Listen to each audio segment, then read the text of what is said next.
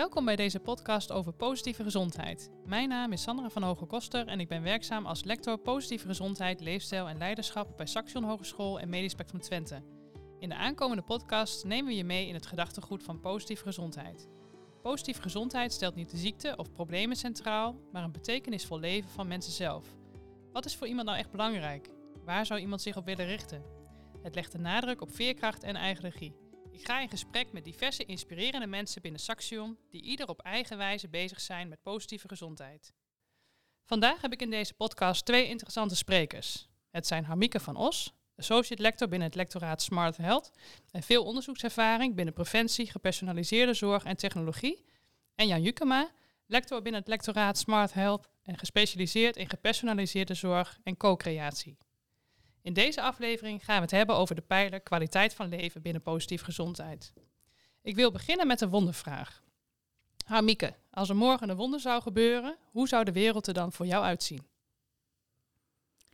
Nou, het zou heel mooi zijn als er echt een wonder zou gebeuren. En um, nou, in deze tijd denk ik toch heel erg aan Oekraïne, uh, waar de gezondheid van heel veel mensen wordt geschaad door alle geweld wat er is. Dus uh, vrede, gerechtigheid en daarmee gezondheid uh, zou een heel groot wonder zijn.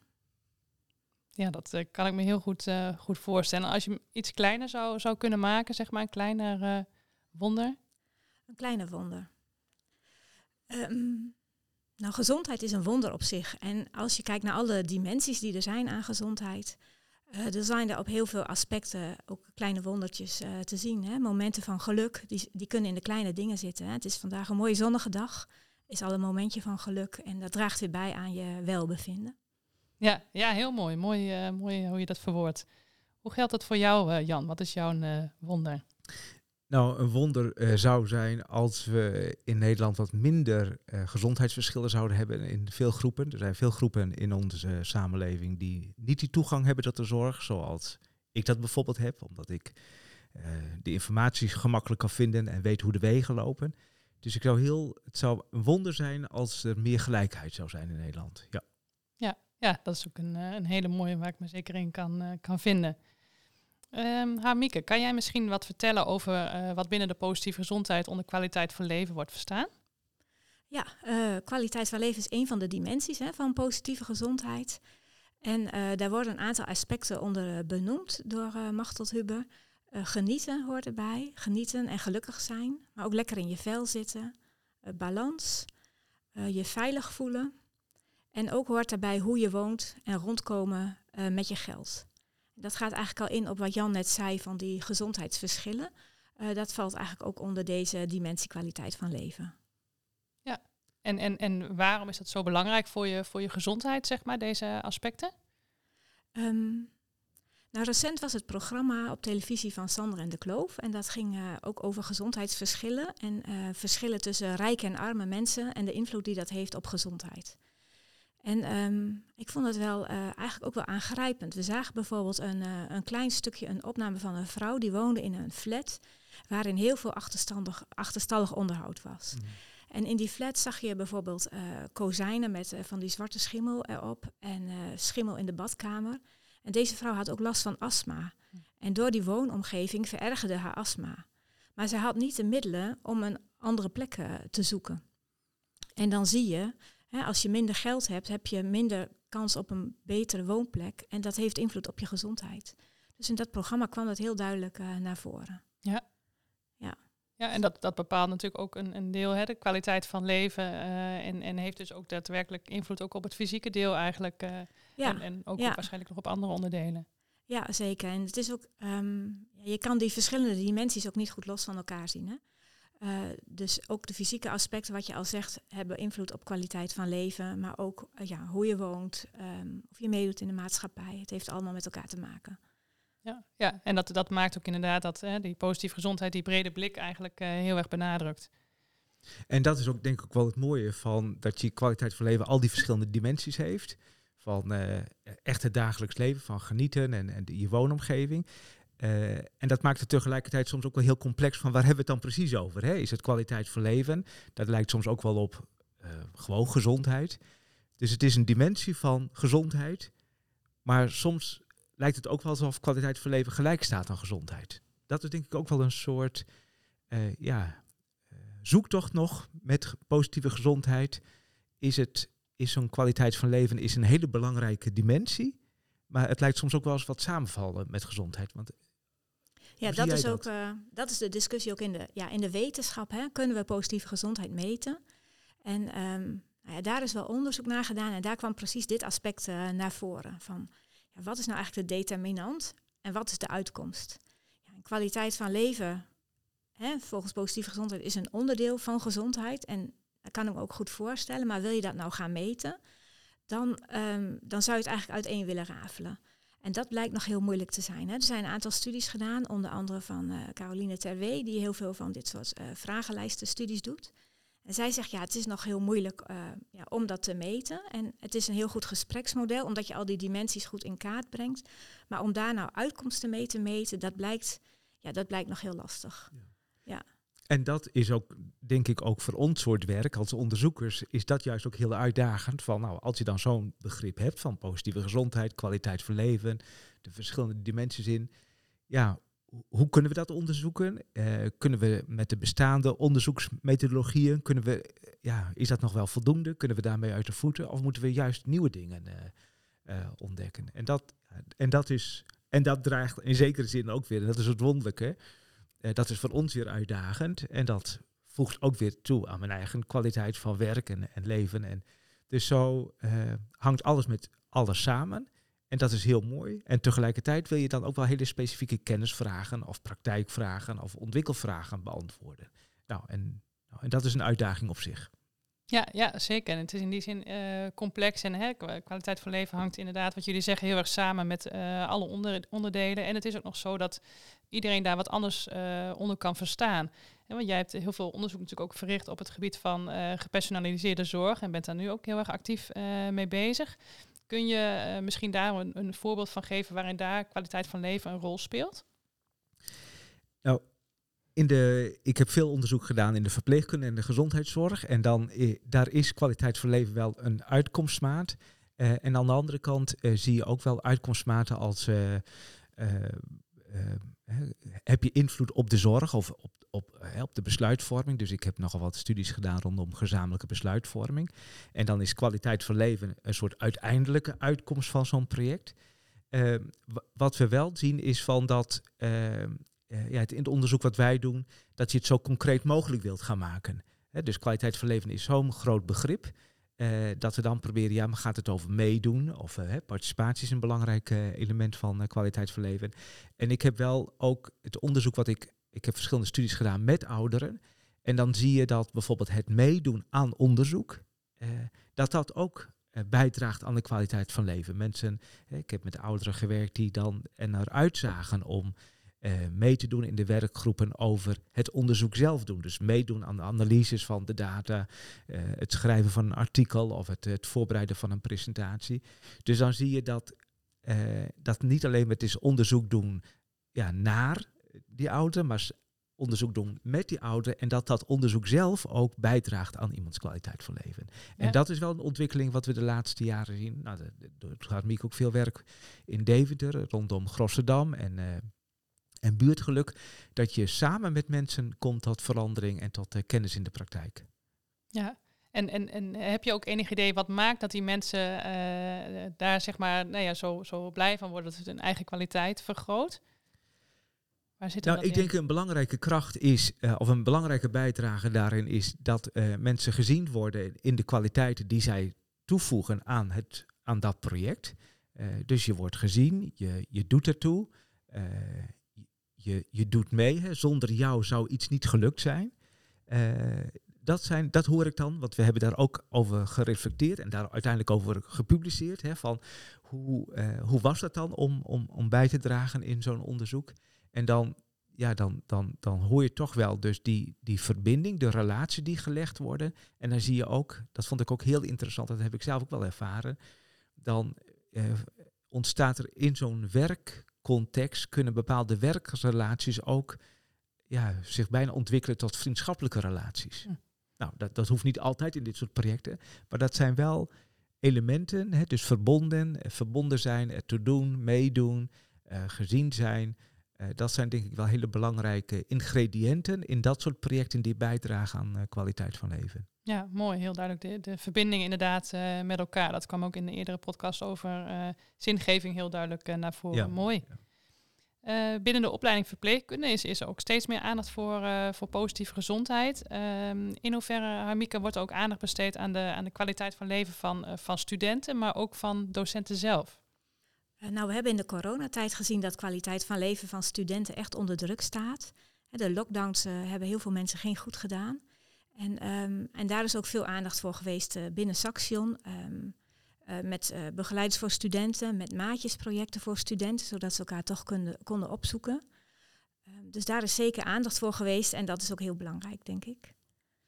En als het gaat om medewerkers, dan hebben we ook in de coronatijd geprobeerd um, ook eh, gezellige en leuke dingen te doen via het beeldscherm, om elkaar toch op een andere manier te ontmoeten. Um, maar het is een opluchting dat we elkaar nu weer fysiek kunnen zien, want je mist wel echt een dimensie als je alleen maar via het beeldscherm contact kunt hebben. En dat non-verbale contact, dat mis je. En dat is juist ook uh, heel belangrijk. En dat is heel fijn dat het nu weer kan. Ja, ja en, en als je het dan hebt over uh, de verbinding, waar, waar Jan het net over had, zeg maar. Hè, dan geef je ook aan van nou, er zijn actief activiteiten ingezet om ook juist te proberen, zeg maar, die, die verbinding zo goed mogelijk te maken. Merk je nu ook een, verschil, zeg maar, nu je elkaar wat, wat meer ontmoet, dat dat makkelijker gaat? Of hoe, hoe zie je dat? Nou, het is een opluchting om elkaar weer echt te kunnen zien. Um, want je mist wel een dimensie als het contact alleen via het scherm is. En um, ja, dat is dan toch dat non-verbale wat je heel erg mist. Um, dus het, ja, het is absoluut heel fijn dat je elkaar weer kan zien en, um, en echt kan ontmoeten. Ja, ja mooi. Dat, uh, en en uh, je gaf net al aan, uh, Jan, hè, binnen het onderzoek uh, bepaalde ontwikkelingen hebben met, met patiëntenparticipatie en, en dergelijke. Zie je verder nog ontwikkelingen zeg maar, op het gebied van nou ja, positieve gezondheid of, of op dit vlak? Nou, wat ik denk een hele interessante ontwikkeling is, is dat die positieve gezondheid de welzijnsaspecten, het dagelijks leven en het wonen van mensen heel erg meeneemt in het denken over gezondheid. Dus je ziet nu ook meer en meer onderzoeksprojecten en innovatieprojecten waarin we samenwerken met sociaal werk. Uh, maar ook mensen van, uh, van bouwkunde, van, van techniek. Dus het wordt veel integraler. Dus meer interdisciplinair onderzoek ontstaat er. En nou, het voorbeeld ook wat Harmieke aangaf over armoede, schulden, woonomgeving. voorheen zouden we zeggen, vanuit de verpleegkunde of uit de, de fysiotherapie zouden we zeggen, nou ja, dat is niet mijn deskundigheid, daar doen we geen onderzoek naar. Uh, en nu zeg ik, ja, dat doen we wel. En ook al heb ik geen verstand van uh, hoe schimmels ontwikkelen, we weten wel hoe dat van invloed is op de gezondheid. En dan, dus die integrale benadering van gezondheid, zoals uh, Machtel Huber dat voorstaat, dat zie je dus nu ook meer en meer terug in het onderzoeksprojecten wat je doet. en dat maakt het heel interessant en leerzaam en ook, ja, en ook tegelijkertijd heel uitdagend, omdat je, ja, je hebt niet meer de microfocus, maar je bent veel integraler en breder kijk je naar een vraagstuk. Ja, en dat is wel uitdagend van uh, wat geef je dan voorrang? Uh, nou, dit, uh, ja. Ja, en, en doet het ook wat, hè? Dit gaf je zelf ook wel aan van dat het jezelf ook wat, wat, wat brengt. En dit is natuurlijk ook in die zin, nou ja, voor jezelf ook die bredere blik of dat je van andere disciplines dingen, dingen hoort. Wat, wat betekent het voor jou persoonlijk?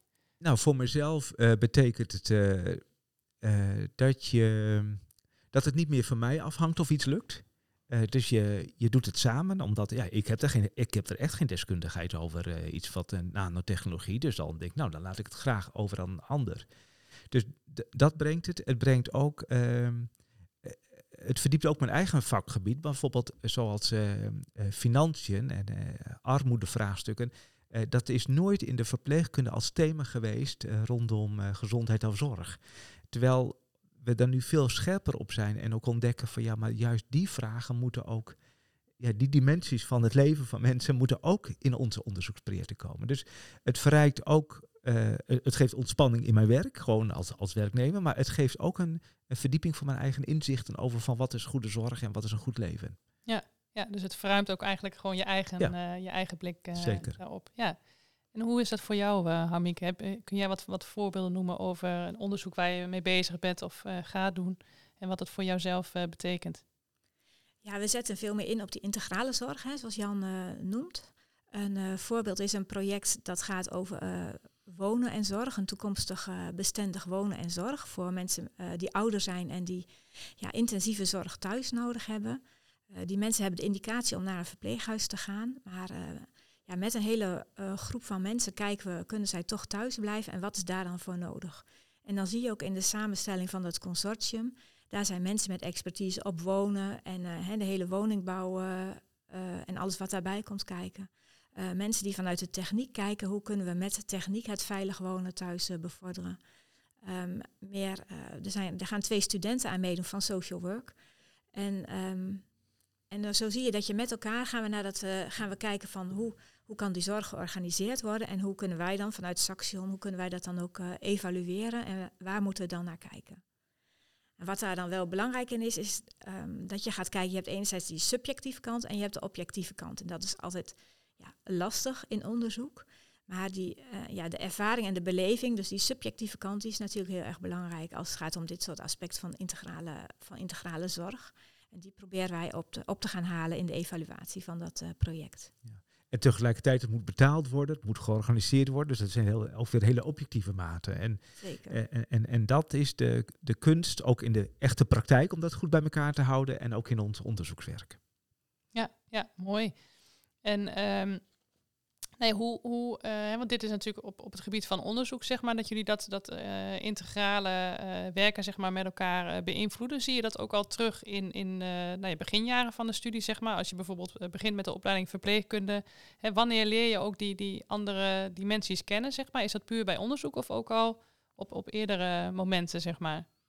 Ja, zeker al eerder in de opleiding. Uh, leer je dat verpleegkunde niet alleen het, het fysieke is, zeg maar, niet alleen het omgaan met het fysieke ongemak, maar dat, het, uh, ja, uh, dat je de mens als geheel ziet. Dus dat ook die lichamelijke dimensie en daarnaast de psychosociale dimensie heel belangrijk is. Dus eigenlijk al die aspecten van positieve gezondheid. Je leert het al meenemen in de communicatie, bijvoorbeeld met mensen, als je een anamnese afneemt. Als je samen met de cliënt kijkt, wat zijn nou uw doelen? Um, dus dat komt zeker al vanaf het begin van de opleiding aan bod. Ja. Mooi. Dat, uh, en ik, ik ben nog wel benieuwd hè, van uh, uh, als, je, als je bezig bent met, met onderzoek en ehm, nou ja, die, die, die bredere kijk, zeg maar, dat, dat vraagt natuurlijk soms ook echt wel wat anders van de, van de professionals. Oh. Um, natuurlijk ook voor, voor, jezelf als, als onderzoeker, zeg maar, daar leer je heel van. Um, maar wat, wat betekent dat voor, voor professionals en, en zijn die ook bereid, zeg maar, om soms een andere rol te gaan vervullen? Of wat is daarvoor nodig?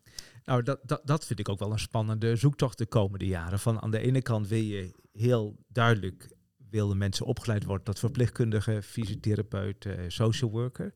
En tegelijkertijd uh, zeggen we van, ja, maar jouw vakgebied is niet meer zo begrensd zoals het vroeger was. En, uh, maar ja, waar ben je dan van en waar ben je niet van? dat is denk ik wel een interessante ja, ontwikkeling. En dat zal ook langzaam gaan, want er zijn hele vaste beelden over ieder beroep. Uh, nou, dat verander je niet zomaar. Uh, uh, maar we ontkomen er niet aan om het anders te doen. Alleen dit soort nieuwe ontwikkelingen rondom positieve gezondheid, maar ook als je kijkt naar de hele arbeidsmarkt. Hè, er wordt nu gesproken van enorme tekorten aan verpleegkundigen. Uh, nou, die tekorten die lossen zich echt niet meer op. Dat, de, de, kunnen we blijven roepen, maar die mensen die zullen niet komen. Dus we zullen ook anders naar het beroep moeten kijken van verpleegkundigen en fysiotherapeut. Van wat doen zij wel en wat doen zij niet. En dan is denk ik niet de oplossing van dat je heel precies gaat definiëren van wat wel en wat niet, maar dat je juist die integrale benadering doet. Maar dan is het ook wel ja, dat vraagt ook iets van opleidingen, van docenten. Docenten zijn ook op een bepaalde manier opgeleid. Ja, ik ben 30 jaar opgeleid, eh, opgeleid tot verpleegkundige. Ja, dat, voor een deel ziet dat het opleidingen er nog uit zoals het 30 jaar geleden. En van een ander deel is het totaal anders geworden. Nou, die, die dynamiek, en ik denk dat dat ook voor docenten best wel ja, een zoektocht is en niet altijd even makkelijk is om, om dat integrale te doen. Ja. Terwijl, en dat vind ik echt heel mooi hoe we dat binnen de hele academie doen, gezondheidszorg. Dat we dat Smart Solutions semester, dat we dat, hè, dat is echt een integraal onderdeel uh, van, de, hè, van het MAJO-programma.